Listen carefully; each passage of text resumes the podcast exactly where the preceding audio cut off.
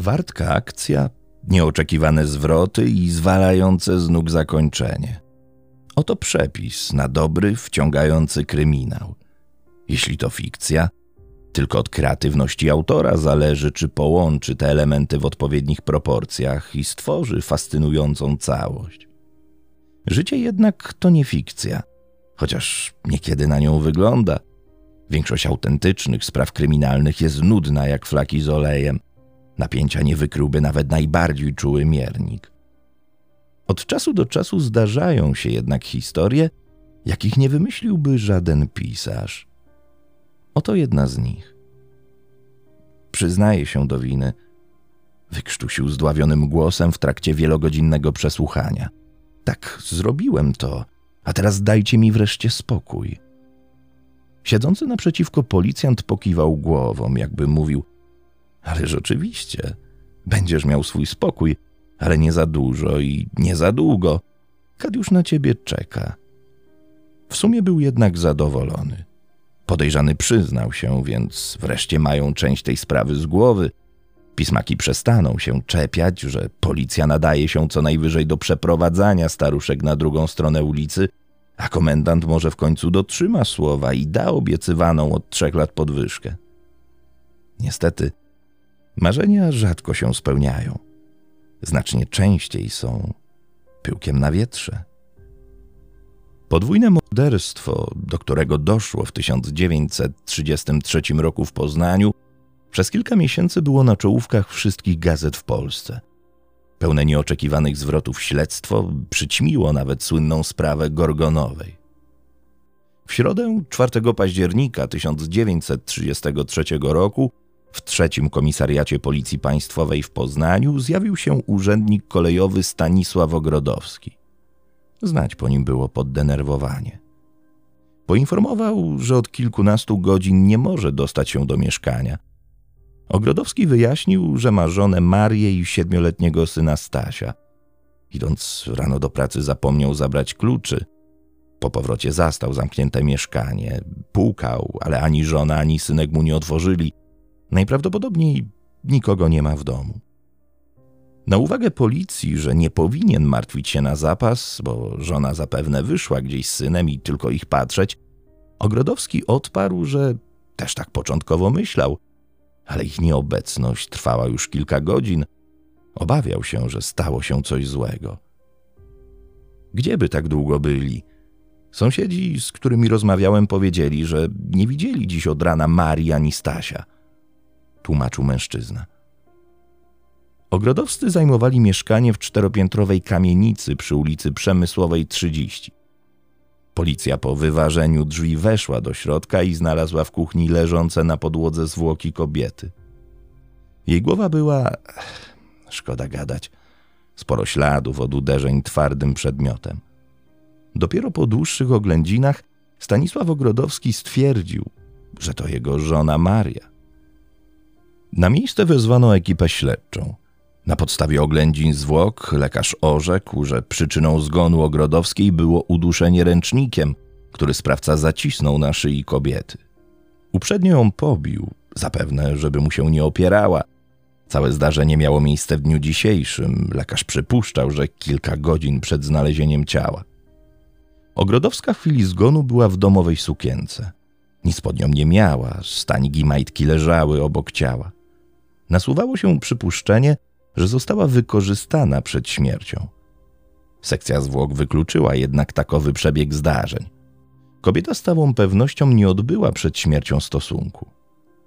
Oprawca po odebraniu jej życia zdjął z niej bieliznę, żeby upozorować zbrodnię erotyczną. Najprawdopodobniej chciał zmylić policję. W mieszkaniu nie stwierdzono charakterystycznego dla napadów bandyckich bałaganu.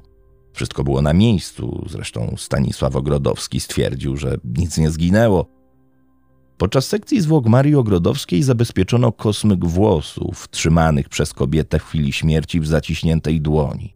Słusznie przyjęto, że kobieta broniąc się wyrwała napastnikowi włosy z głowy. Zostały one przekazane do badań laboratoryjnych. Pytanie: kto i dlaczego pozbawił życia Marię Ogrodowską? Przed taką zagadką stanęła policja poznańska. Ale pojawiło się też inne, nie mniej ważne pytanie: gdzie jest synek Ogrodowskich? Siedmioletni Staś udał się rano do szkoły. Lekcję skończył około południa i wtedy widziano go po raz ostatni. Chłopiec mógł wrócić do domu i doznać szoku na widok znajdującego się w nie najciekawszym stanie ciała matki. Być może uciekł przerażony i błąkał się gdzieś po mieście. Jednak taka wersja, mimo iż życzono sobie, żeby okazała się zgodna z prawdą, była wątpliwa. W jaki sposób siedmiolatek wszedłby do zamkniętego mieszkania? Był za mały, by rodzice dawali mu klucz. Zawsze pukał i otwierała mu matka, która o tej porze gotowała obiad. Bardziej prawdopodobne było, że Staś podzielił los matki. Wprawdzie w mieszkaniu nie natrafiono na ślady drugiej zbrodni, jednak oprawca nie musiał tego robić tutaj. Mógł zaczaić się na niego w pobliżu domu, wyprowadzić w jakieś odludne miejsce i tam zabawić się w kata. Albo inna ewentualność, trochę bardziej optymistyczna. Dziecko z jakichś powodów zostało porwane i jest gdzieś przetrzymywane – może oprawcy Ogrodowskiej chodziło nie o nią, lecz o Stasia, ale wydał na niej wyrok, żeby nie przeszkadzała w uprowadzeniu jej syna. Tak czy inaczej, to nie mogły być dwie odrębne sprawy. Zaginięcie chłopca musiało być powiązane ze śmiercią jego matki. Poszukiwania Stasia Ogrodowskiego były prowadzone na terenie całego Poznania. Potem rozszerzono je na ościenne wsie i osady. Wywiadowcy policyjni odtworzyli przypuszczalną drogę powrotną chłopca ze szkoły świętego Marcina do domu i pytali o niego przechodniów, ulicznych handlarzy, właścicieli sklepów i warsztatów rzemieślniczych. Wszyscy, do których zwracała się policja, odpowiadali, że nie widzieli chłopca. Wszyscy, poza inwalidą z kiosku z papierosami i gazetami. Przechodził malec w tym wieku. Nie był sam – Towarzyszył mu dorosły mężczyzna, powiedział kioskarz. Nie zwrócił jednak na nich baczniejszej uwagi. Widział ich w zasadzie tylko z tyłu, niewiele więc może o nich powiedzieć. Chłopiec drobny, z tornistrem na plecach, mężczyzna w ciemnej marynarce i w kaszkiecie na głowie. Po trzech dniach od zaginięcia Stasia po mieście rozeszła się wiadomość o zwłokach dziecka, rzekomo znalezionych w kanale za stadionem Lecha Poznań na przedmieściu Dębiec. Okazało się jednak, że była to plotka. Mijały dni, potem tygodnie, ale nie natrafiono na żaden ślad Stasia. Prasa publikowała zdjęcia chłopca i komunikaty o zaginięciu, co się jednak z nim stało, wciąż pozostawało zagadką. Zdecydowanie bardziej owocne było śledztwo w sprawie śmierci kobiety, Ustalenia policji przedstawiały się zaskakująco. Zbierając informacje o tej rodzinie, dowiedzieli się, że 41-letni Stanisław Ogrodowski, kierownik warsztatów kolejowych, a także sekretarz związków zawodowych, nie był człowiekiem nieskazitelnym. O ile w miejscu pracy opinię miał względnie dobrą, to mężem był fatalnym. Znajomi Ogrodowskich powiedzieli, że często kłócił się z żoną – Podejrzewał, że go zdradza, groził, że ją zabije i dopuszczał się wobec niej rękoczynów. Cóż, ze statystyk policyjnych wynika, że oprawcami nader często okazują się członkowie najbliższej rodziny ofiary. Czy właśnie teraz śledczy mieli dowód czarno na białym, że statystyki przynajmniej od czasu do czasu nie kłamią? Ale oskarżenia znajomych to za mało, by Ogrodowskiemu postawić zarzuty – może z jakichś powodów go oczerniali, jednak rewizja przeprowadzona u niego w mieszkaniu i w pracy pogrążyła mężczyznę. W szufladzie biurka kierownika warsztatów znaleziono tekturową teczkę z plikiem artykułów wyciętych z gazet. Nie byłoby w tym nic podejrzanego, gdyby nie to, że wszystkie wycinki były reportażami kryminalnymi opisującymi zbrodnie popełnione przez mężów na żonach. Kiedyś, po kłótni z Marią, Ogrodowski mówił, że czytał w tajnym detektywie bodajże o jakimś zbrodniarzu, który został skazany za odebranie życia swojej żonie tylko na dwa lata więzienia. Staszek twierdził, że on też więcej by nie dostał, zatem jak dodał, skórka była warta wyprawki. Powiedzieli policji znajomi Ogrodowskich. I jeszcze jedna znamienna rzecz z czasów dzieciństwa Stanisława Ogrodowskiego – jako chłopiec łapał koty, wypalał im oczy i patrzył, jak się męczą. Świadczyło to o tym, że był zdolny do okrucieństwa, mógł eliminować swoich najbliższych. Policja aresztowała go. Mężczyzna utrzymywał, że jest niewinny. Mówił, że ma alibi. Całą noc z 3 na 4 października pracował w warsztatach. Do domu wyszedł o godzinie czwartej nad ranem.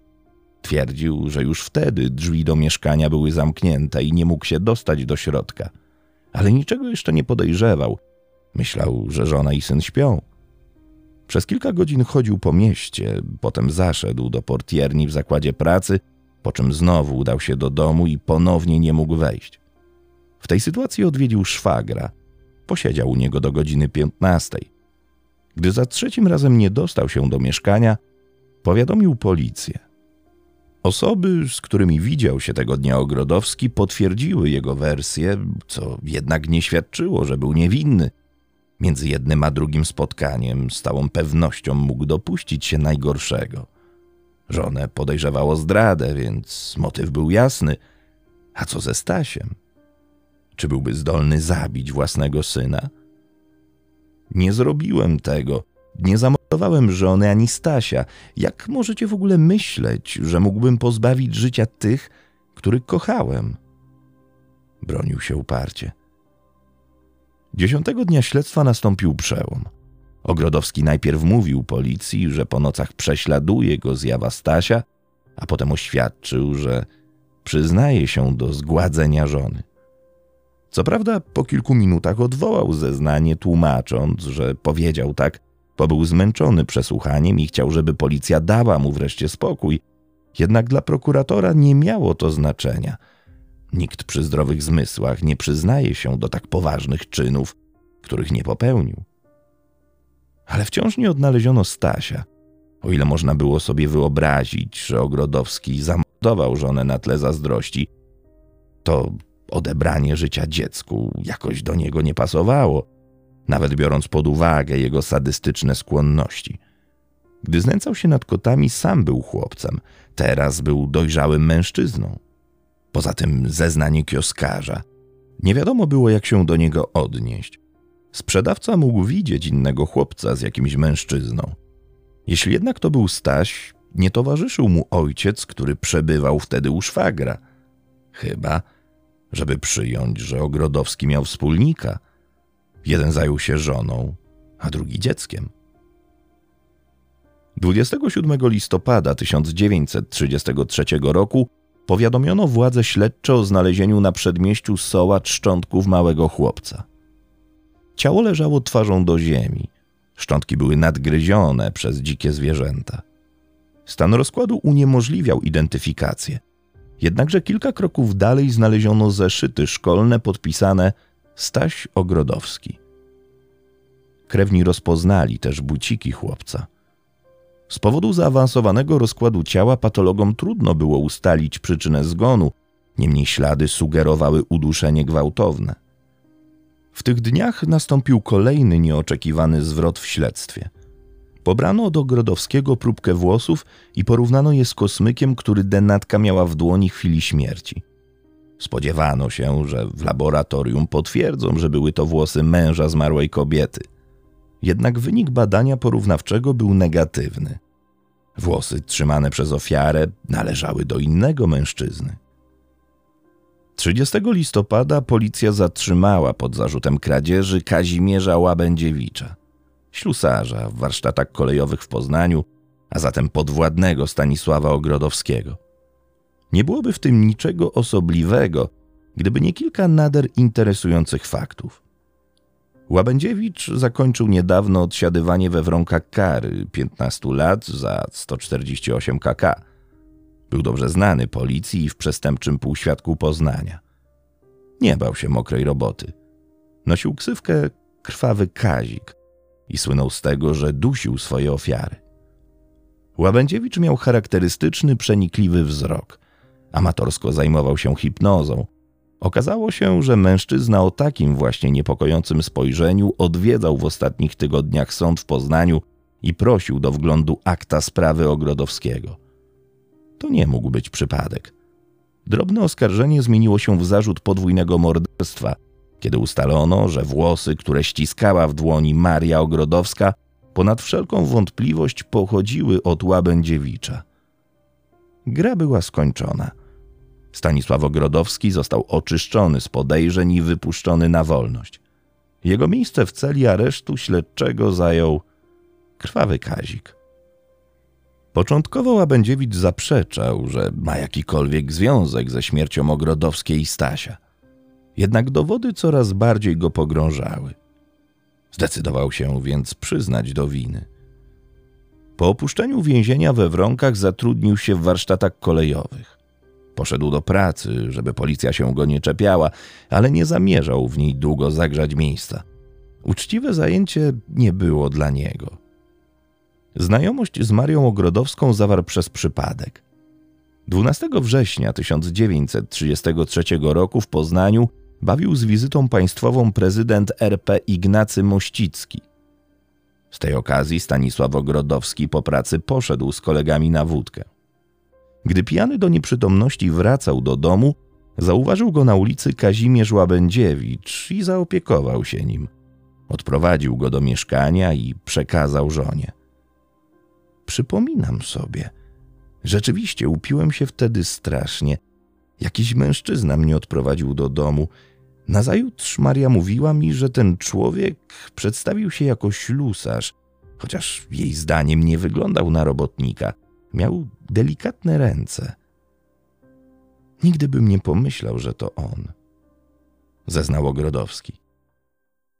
Łabędziewicz uznał, że przysługa, jaką oddał kierownikowi i nawiązanie znajomości z jego żoną, mogą mu się przydać. Zaczął przychodzić do Marii i przy pomocy swoich hipnotyzerskich zdolności wyciągnął ją na zwierzenia. Żaliła się, że źle żyje z mężem, który podobno ją bił. Powiedziała mi, że myśli o tym, by się go pozbyć. Pytała, czy nie załatwiłbym jej trucizny. Zeznał Łabędziewicz. Czy rzeczywiście Ogrodowska chciała zabić męża, nie wiadomo. Nie żyła, więc nie mogła ani potwierdzić, ani zaprzeczyć. Po kilku tygodniach krwawy Kazik zaplanował, że ją zabije. Był w sytuacji podbramkowej. Jego kochanka oznajmiła mu, że jest w ciąży. Nie chciał dziecka i zdecydował, że powinna usunąć płód. Obiecał, że zdobędzie pieniądze na pokątną aborcję. 3 października wziął ze sobą młotek i przyszedł do Ogrodowskiej wczesnym rankiem, gdy mąż był w pracy, a synek w szkole. Wiedział, że znajdzie pieniądze, bo dzień wcześniej mąż Marii brał pobory. Po przywitaniu się z nią ogłuszył ją dwoma silnymi ciosami młotka w głowę. Następnie udusił ją ręcznikiem. Zdjął z niej bieliznę, pozorując przypuszczalną wersję dalszych wydarzeń. Z szafki w pokoju zabrał 150 złotych. Ogrodowski zapomniał o tych pieniądzach i dlatego powiedział policji, że z mieszkania nic nie zginęło. Oprawca udał się nad wartę i wrzucił do rzeki poplamiony krwią młotek oraz klucze, którymi zamknął mieszkanie. Pomyślał, że musi jeszcze pozbyć się chłopca. Staś go znał. W razie przesłuchania na policji powiedziałby o jego wizytach. Czekał na niego pod szkołą świętego Marcina – gdy Staś skończył lekcję, Łabędziewicz udając przypadkowe spotkanie, namówił chłopca na spacer. Wyprowadził go na przedmieście Sołacz. Za barakami cegielni udusił Stasia i porzucił ciało. Ku swojemu zaskoczeniu dowiedział się, że aresztowano Ogrodowskiego. Był jednak ostrożny i na razie nie ruszał zrabowanych pieniędzy. Nie miał pewności, czy policja rzeczywiście podejrzewa męża Marii, czy też puściła w obieg te informacje, żeby zmylić prawdziwego sprawcę. Dlatego chodził do sądu i przeglądał akta sprawy. Uznawszy, że policja nie blefuje, poczuł się bezpieczniej. Krwawy Kazik odpowiadał w trybie doraźnym za pozbawienie życia Marii i Stasia Ogrodowskich. W zasadzie nie miał nic sensownego do powiedzenia. Przyznał się do winy i poprosił o łagodny wymiar kary – Żadne okoliczności łagodzące nie zostały zastosowane wobec bestialskiego czynu, jakiego się dopuścił. 29 grudnia 1933 roku Sąd Okręgowy w Poznaniu skazał Kazimierza Łabędziewicza na powieszenie.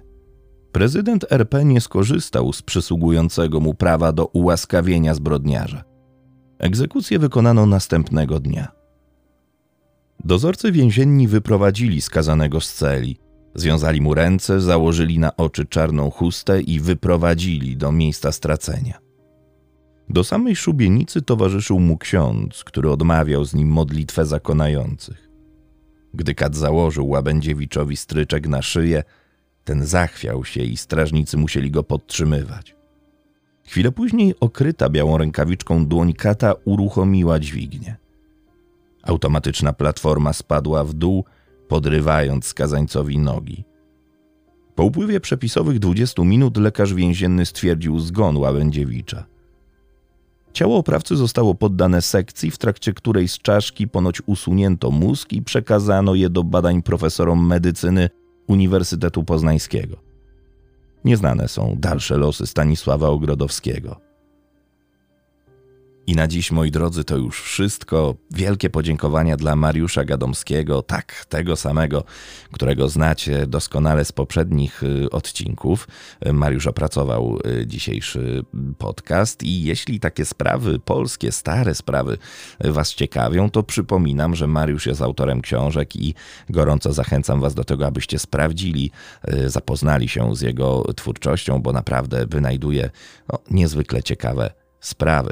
Ja pozdrawiam Was gorąco, dziękuję za wszystkie subskrypcje, polubienia, komentarze. Znacie pewnie tę regułkę z innych podcastów, ale są one niezwykle istotne. Również pozdrawiam wszystkie osoby, które słuchają na Spotify. Wpadajcie tutaj czasem na YouTube, chociażby po to, żeby zostawić tego subika, bo dzięki temu pomagacie mi rozwijać kanał. Trzymajcie się ciepło i do usłyszenia w kolejnym odcinku na kanale Strefa Mroku.